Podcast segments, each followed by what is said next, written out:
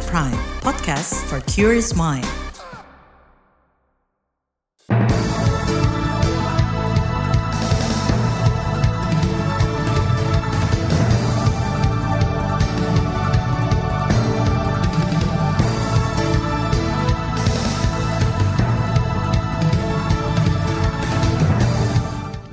Selamat pagi saudara, berjumpa kembali dalam program Buletin Pagi edisi Rabu 8 November 2023.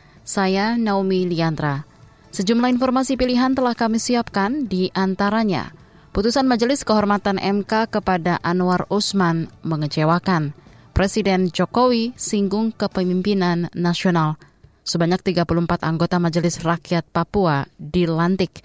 Inilah Buletin Pagi selengkapnya. Terbaru di Buletin Pagi. Saudara, Majelis Kehormatan Mahkamah Konstitusi MKMK memberhentikan Anwar Usman dari jabatan Ketua Mahkamah Konstitusi. Anwar terbukti melakukan pelanggaran berat kode etik dan perilaku hakim konstitusi. Namun, Anwar masih tetap hakim konstitusi. Selain itu, MKMK juga tidak membatalkan putusan MK nomor 90 terkait syarat batas usia minimal capres-cawapres dengan alasan hal tersebut berada di luar ranah dan wewenangnya. Menanggapi putusan tersebut, para pelapor sangat kecewa dan tidak puas. Salah satu pelapor yang juga guru besar hukum tata negara dari Universitas Pajajaran, Susi Dwi Harijanti, menilai Anwar mestinya mengundurkan diri setelah vonis pelanggaran berat yang dialamatkan pada dirinya. Kalau menurut saya, begitu diberhentikan sebagai ketua MK, kan secara implisit, kan beliau menjadi ketua MK itu karena menjadi hakim konstitusi. Jadi apakah secara implisit itu juga seharusnya kita harus membaca gitu ya, bahwa itu juga diberhentikan sebagai hakim MK. Kalaupun tidak ada secara eksplisit dinyatakan dia berhentikan sebagai hakim MK, maka seharusnya yang bersangkutan itu bisa melakukan penilaian diri, melakukan mengundurkan diri. Apalagi sudah dinyatakan pelanggaran berat loh ini. Susi juga mempertanyakan sikap MKMK yang menyatakan ketentuan pasal 17 ayat 4 Undang-Undang Nomor 48 Tahun 2009 tentang kekuasaan kehakiman tidak berlaku untuk hakim MK. Padahal menurutnya pasal ini jelas mengatur bahwa ketua majelis hakim dan hakim anggota wajib mengundurkan diri dari persidangan apabila terkait apabila terikat hubungan keluarga, sedarah atau semenda memiliki pertalian keluarga sampai derajat ketiga dengan pihak yang diadili. Pelapor lainnya yakni Ketua Badan Pengurus Nasional Perhimpunan Bantuan Hukum dan Hak Asasi Manusia Indonesia PBHE, Julius Ibrani, juga menilai adanya inkonsistensi putusan yang dikeluarkan MKMK. Sebelumnya keputusan pemberhentian Anwar Usman dari jabatannya dibacakan Ketua Majelis Kehormatan MK, Jimli Asidiki. Terbukti melakukan pelanggaran berat terhadap kode etik dan perilaku hakim konstitusi sebagaimana tertuang dalam Sabta Karsa Utama, prinsip ketidakberpihakan, prinsip integritas, prinsip kecakapan dan kesetaraan, prinsip independensi, dan prinsip kepantasan dan kesopanan. Dua, menjatuhkan sanksi pemberhentian dari jabatan Ketua Mahkamah Konstitusi kepada hakim terlapor. Ketua MKMK Jimli Asidiki menambahkan nantinya Anwar juga tidak berhak mencalonkan diri atau dicalonkan sebagai pimpinan MK sampai masa jabatannya sebagai hakim konstitusi berakhir.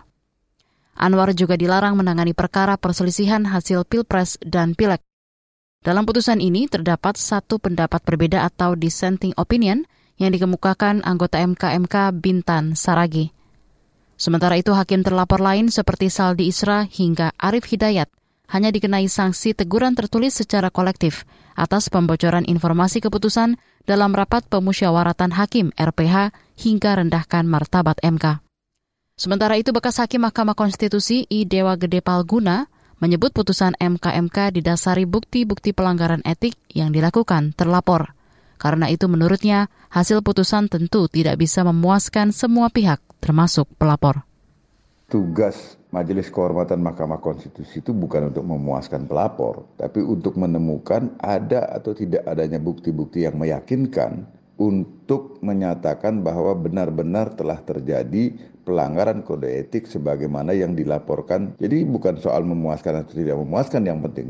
Ya tentu saja tidak ada ya ruang kalau untuk banding misalnya begitu kalau tidak puas dengan putusan MK mau bagaimana lagi karena hak banding itu diberikan kepada terlapor apabila khususnya untuk pemberhentian tidak dengan hormat. Bekas Hakim MK Idewa Gede Palguna mengatakan jika pelapor tidak puas atas putusan Majelis Hakim Etik, maka masih ada opsi lain yang dapat ditempuh, yakni mengajukan gugatan uji material kembali ke Mahkamah Konstitusi. Di lain pihak, lembaga survei Saiful Mujani Research and Consulting SMRC menilai putusan MKMK terkait dugaan pelanggaran etik Anwar Usman tidak bisa mengembalikan sepenuhnya kepercayaan publik kepada MK. Manajer program SMRC, Saidiman Ahmad, mengatakan putusan ini menjadi bukti bahwa keadaan MK tidak baik-baik saja, sebab ada konflik kepentingan yang mencederai demokrasi. Ketua MK itu terlibat di dalam keputusan MK yang berkaitan dengan uh, ponakannya dan itu uh, terkait dengan konflik kepentingan. Tetapi dengan keputusan ini, ini kan memberi uh, harapan kepada publik bahwa hakim MK yang sebelumnya bermasalah itu tidak lagi akan dilibatkan di dalam perkara pemilu dan saya kira kalau ini disosialisasikan dengan baik uh, saya percaya bahwa ini akan kembali meningkatkan kepercayaan publik pada MK. Manajer program SMRC Saidiman Ahmad menambahkan keputusan pemberhentian Anwar Usman dari ketua KPK dianggap tidak mengembalikan muruah MK ke arah yang lebih baik. Lebih lanjut, Saidiman menyebut putusan itu juga berpotensi menurunkan elektabilitas Prabowo Subianto, Gibran Raka Buming Raka sebagai capres-cawapres di Pilpres 2024. Saudara, pemerintah akan segera berikan santunan uang tunai kepada keluarga korban gagal ginjal akut pada anak. Tetaplah di Buletin Pagi KBR. You're listening to KBR Pride, podcast for curious mind. Enjoy!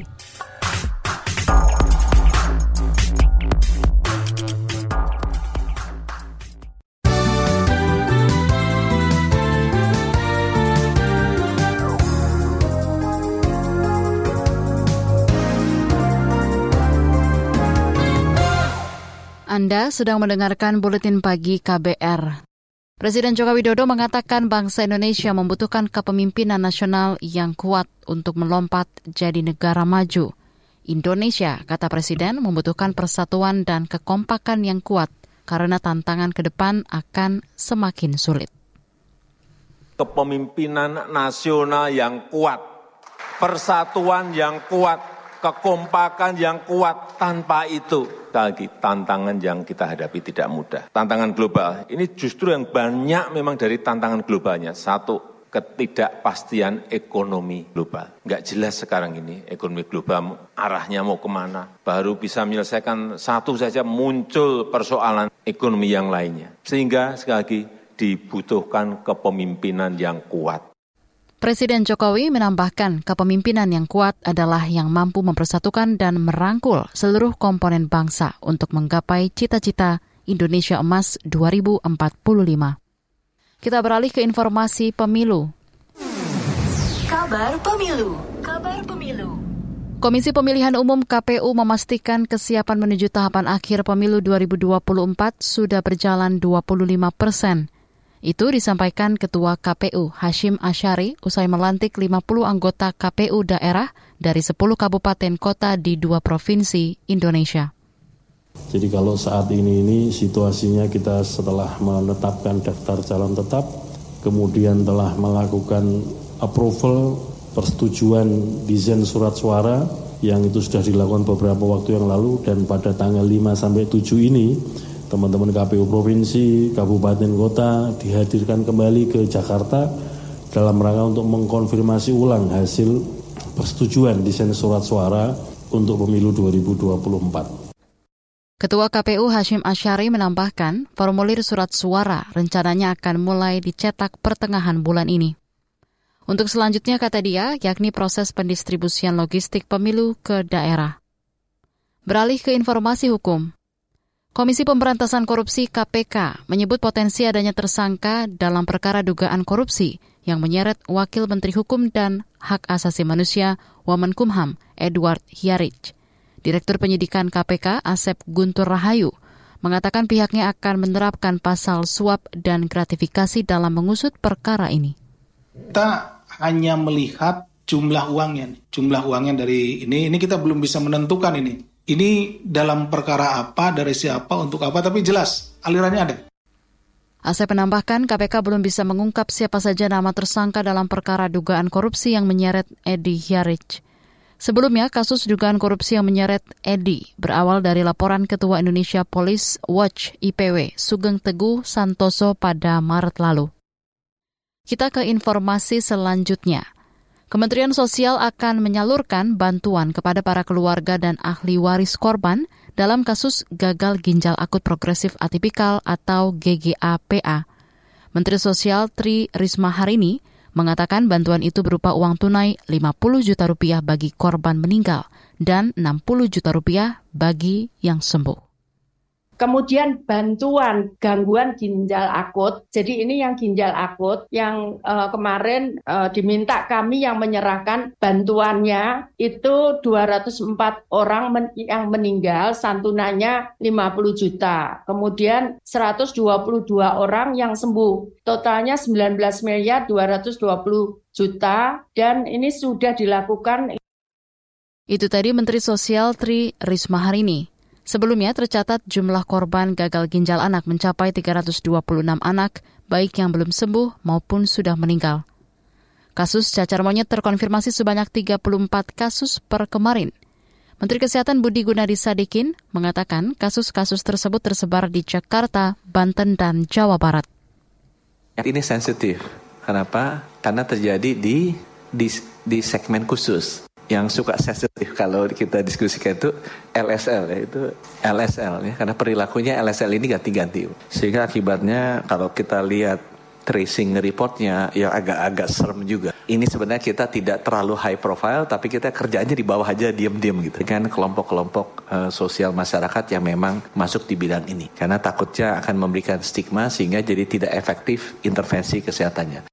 Menteri Kesehatan Budi Gunadi Sadikin menambahkan jumlah kasus di Banten yang terkonfirmasi sebanyak 5 kasus, lalu 27 kasus di Jakarta dan 2 kasus di Jawa Barat. Kita ke berita ekonomi. Kalangan buruh menuntut pemerintah memberikan upah yang layak di 2024. Ketua Umum Serikat Pekerja Nasional SPN Joko Heriono mengatakan pihaknya menolak sistem pengupahan dari pemerintah. Menurutnya penghitungan pengupahan oleh pemerintah tidak layak dan jauh dari kesejahteraan.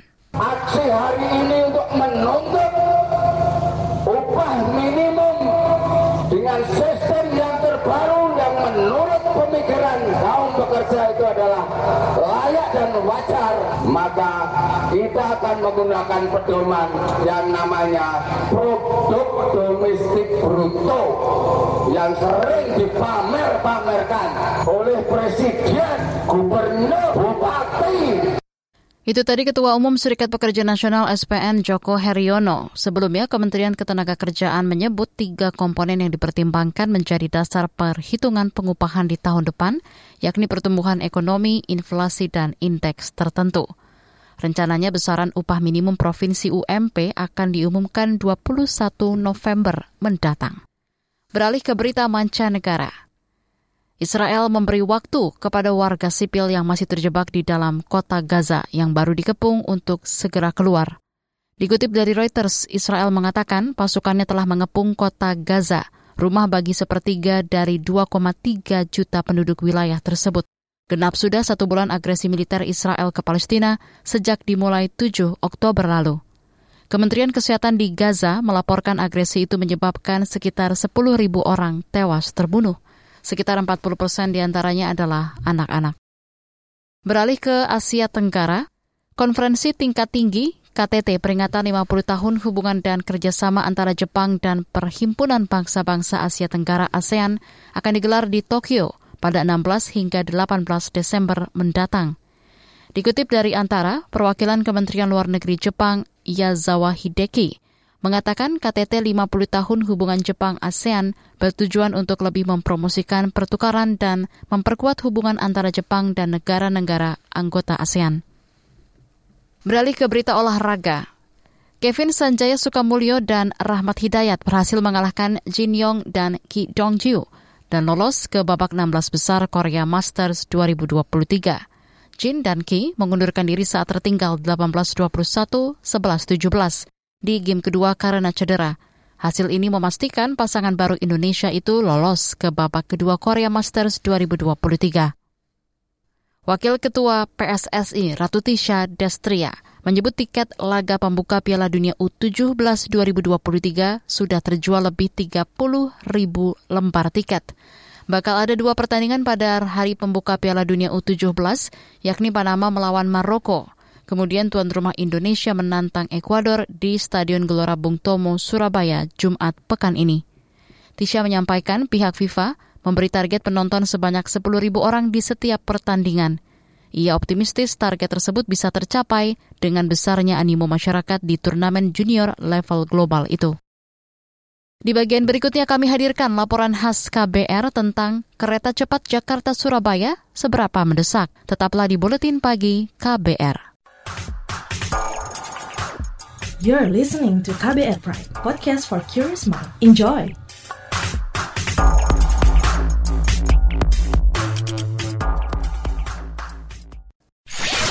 Commercial break. Commercial break.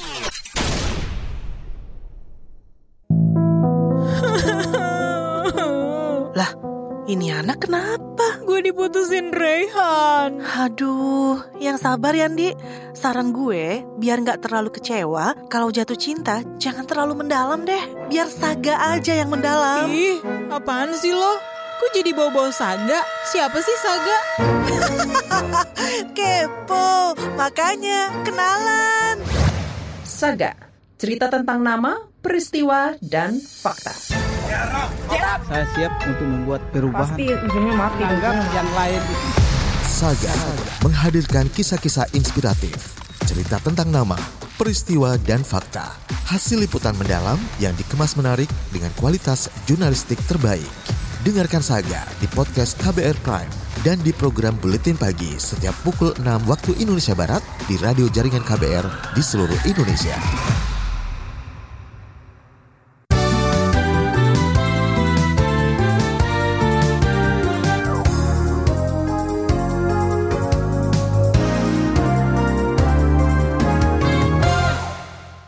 Anda masih bersama kami di Buletin Pagi KBR. Pemerintah tidak berhenti mengerjakan sejumlah proyek strategis ambisius. Setelah proyek kereta cepat Jakarta-Bandung beroperasi penuh pada 18 Oktober lalu, kini pemerintah mulai menyiapkan mega proyek infrastruktur transportasi kereta cepat Jakarta-Surabaya. Seberapa mendesak pembangunan kereta cepat ini? Berikut laporan khas KBR disusun jurnalis Ardi Ridwansyah. Sejumlah masalah yang terjadi selama proyek pembangunan kereta cepat Jakarta-Bandung tidak membuat pemerintah berhenti mengerjakan proyek ambisius. Rencana berikutnya, pemerintah akan membangun proyek kereta cepat serupa untuk rute Jakarta-Surabaya dan kembali bekerja sama dengan Tiongkok. Presiden Jokowi mengatakan, proses studi kelayakan kereta cepat Jakarta-Surabaya sudah berlangsung. Hal tersebut disampaikan Jokowi usai meresmikan kereta cepat Jakarta-Bandung bernama Wush pada awal Oktober lalu. Kereta cepat dari Bandung ke Surabaya mungkin dalam dua minggu ini studi dari Pemrakarsa akan selesai. Kemudian akan kita lanjutkan dengan studi dari kita sendiri, studi lanjutan. Setelah hitung-hitungan, kalkulasi selesai baru diputuskan. Pada kesempatan lain, Jokowi mengatakan trayek kereta cepat Jakarta-Surabaya akan melintasi rute kereta cepat Jakarta-Bandung untuk menumbuhkan titik ekonomi baru di sepanjang lintasan. Pemerintah Indonesia bahkan telah membuat komitmen dengan Tiongkok untuk proyek baru ini. Melalui akun Instagram pribadi, Menteri Koordinator Bidang Kemaritiman dan Investasi Luhut Binsar Panjaitan membocorkan alasan Jokowi kembali memilih Cina untuk proyek kereta cepat Jakarta-Surabaya. Pak Jokowi mau kereta api cepat Jakarta Surabaya diterusin. Tadi saya dengar perjanjian dengan Cina juga jalan. Malah bunganya lalu jauh lebih murah daripada bunga yang ditawarkan banyak negara lain. Dan teknologi kita udah buktikan dan kita udah punya pengalaman. Luhut menjelaskan, kereta cepat Jakarta Surabaya akan menempuh rute Jakarta, Kertajati, Yogyakarta, Solo, dan berakhir di Surabaya. Luhut yakin pemerintah bisa menggarap proyek kereta cepat Jakarta-Surabaya karena sebelumnya telah selesai membangun Wush. Berbekal pengalaman pada proyek kereta cepat Jakarta-Bandung itu, Luhut yakin pemerintah bisa menyukseskan proyek berikutnya. Meski begitu, Luhut mengakui ada persoalan dalam setiap proyek transportasi publik yakni masalah pembebasan lahan. Wakil Menteri BUMN Kartika Wirjo Atmojo menjelaskan Indonesia dan Tiongkok telah menaikkan kesepakatan guna melakukan kajian bersama pembangunan kereta cepat Jakarta-Surabaya. Studi tersebut mencakup seluruh rencana pengerjaan proyek termasuk nilai investasinya. Belum diketahui kapan kajian bersama akan selesai. Namun Kartika Wirjo Atmojo memastikan waktunya tidak sebentar. Kartika mengatakan sampai saat ini belum ada kontraktor atau konsorsium yang ditetapkan dalam proyek baru ini. Ia mengatakan keputusan terkait kontraktor atau pembentukan konsorsium tetap menunggu kajian kelayakan proyek. Ketua Badan Anggaran DPR RI Said Abdullah mendukung proyek pembangunan kereta cepat Jakarta-Surabaya. Namun dirinya mengingatkan pemerintah agar pembangunan tidak sampai membebani APBN – seperti yang terjadi saat pembangunan proyek kereta cepat Jakarta-Bandung. Ya pelan-pelan cari investor, jangan APBN terus. Dulu kereta cepat bisnis to bisnis, karena macet hanya ditarik ke APBN. Nah ke depan harus dihitung, cari investor yang kredibel supaya pembiayaannya oleh investor. Sementara itu, pengamat transportasi Institut Studi Transportasi atau Instran Darmaning Tias menolak rencana pembangunan kereta cepat Jakarta-Surabaya. Ia meminta pemerintah meninjau kembali proyek tersebut lantaran kepentingan tidak mendesak. Apalagi proyek pembangunan kereta cepat Jakarta-Surabaya membutuhkan biaya yang sangat besar. Darmaning Tias memperkirakan biayanya bakal lebih dari 150 triliun rupiah. Perkiraan itu didasarkan pada proyek kereta cepat Jakarta-Bandung yang biayanya membengkak dari 76 triliun rupiah menjadi 131 triliun rupiah. Darmanintias meminta pemerintah tidak hanya membangun infrastruktur transportasi di Pulau Jawa saja, yang notabene pembangunannya sudah gencar. Luar Jawa, terutama yang daerah-daerah kepulauan, itu sangat minim infrastruktur transportasi. Jadi daripada APBN untuk membangun kereta cepat di Jawa, lebih baik untuk membangun infrastruktur di luar Jawa. Darmaning Tias mengatakan, sangat tidak etis bila anggaran infrastruktur yang begitu besar hanya dialokasikan di Jawa, yang infrastruktur transportasinya sudah berlebih. Sementara, wilayah luar Jawa yang masih minus infrastruktur transportasi justru terabaikan. Demikian laporan khas KBR yang disusun Ardi Ridwansyah. Saya Astri Septiani. Informasi dari berbagai daerah akan hadir usai jeda. Tetaplah bersama Buletin Pagi KBR. You're listening to KBR Pride, podcast for curious mind. Enjoy!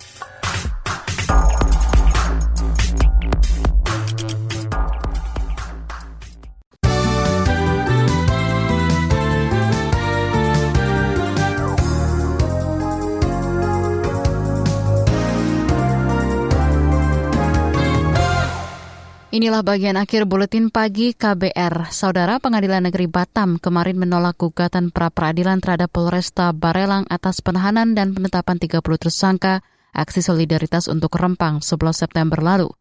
Menurut anggota tim advokasi solidaritas nasional untuk Rempang, Mangarasi Jabat, keputusan itu menandakan lonceng keadilan telah mati.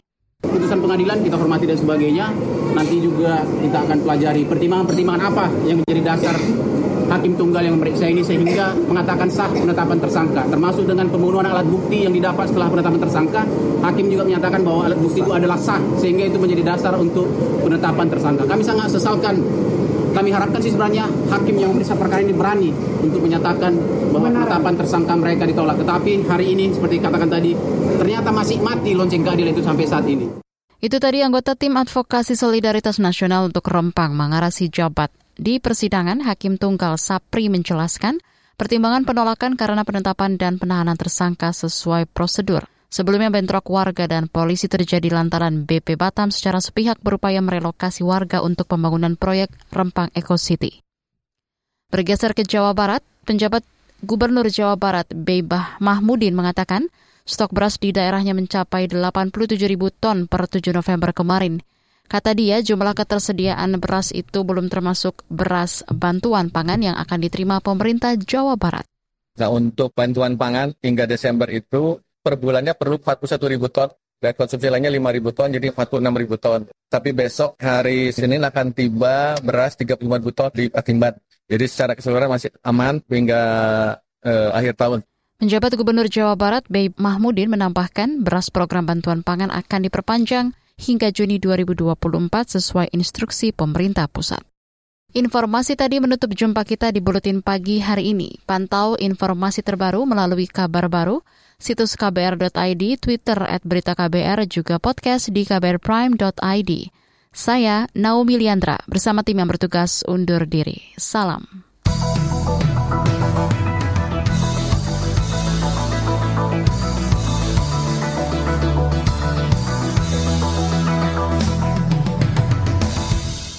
KBR Prime, cara asik mendengar berita. KBR Prime, podcast for curious mind.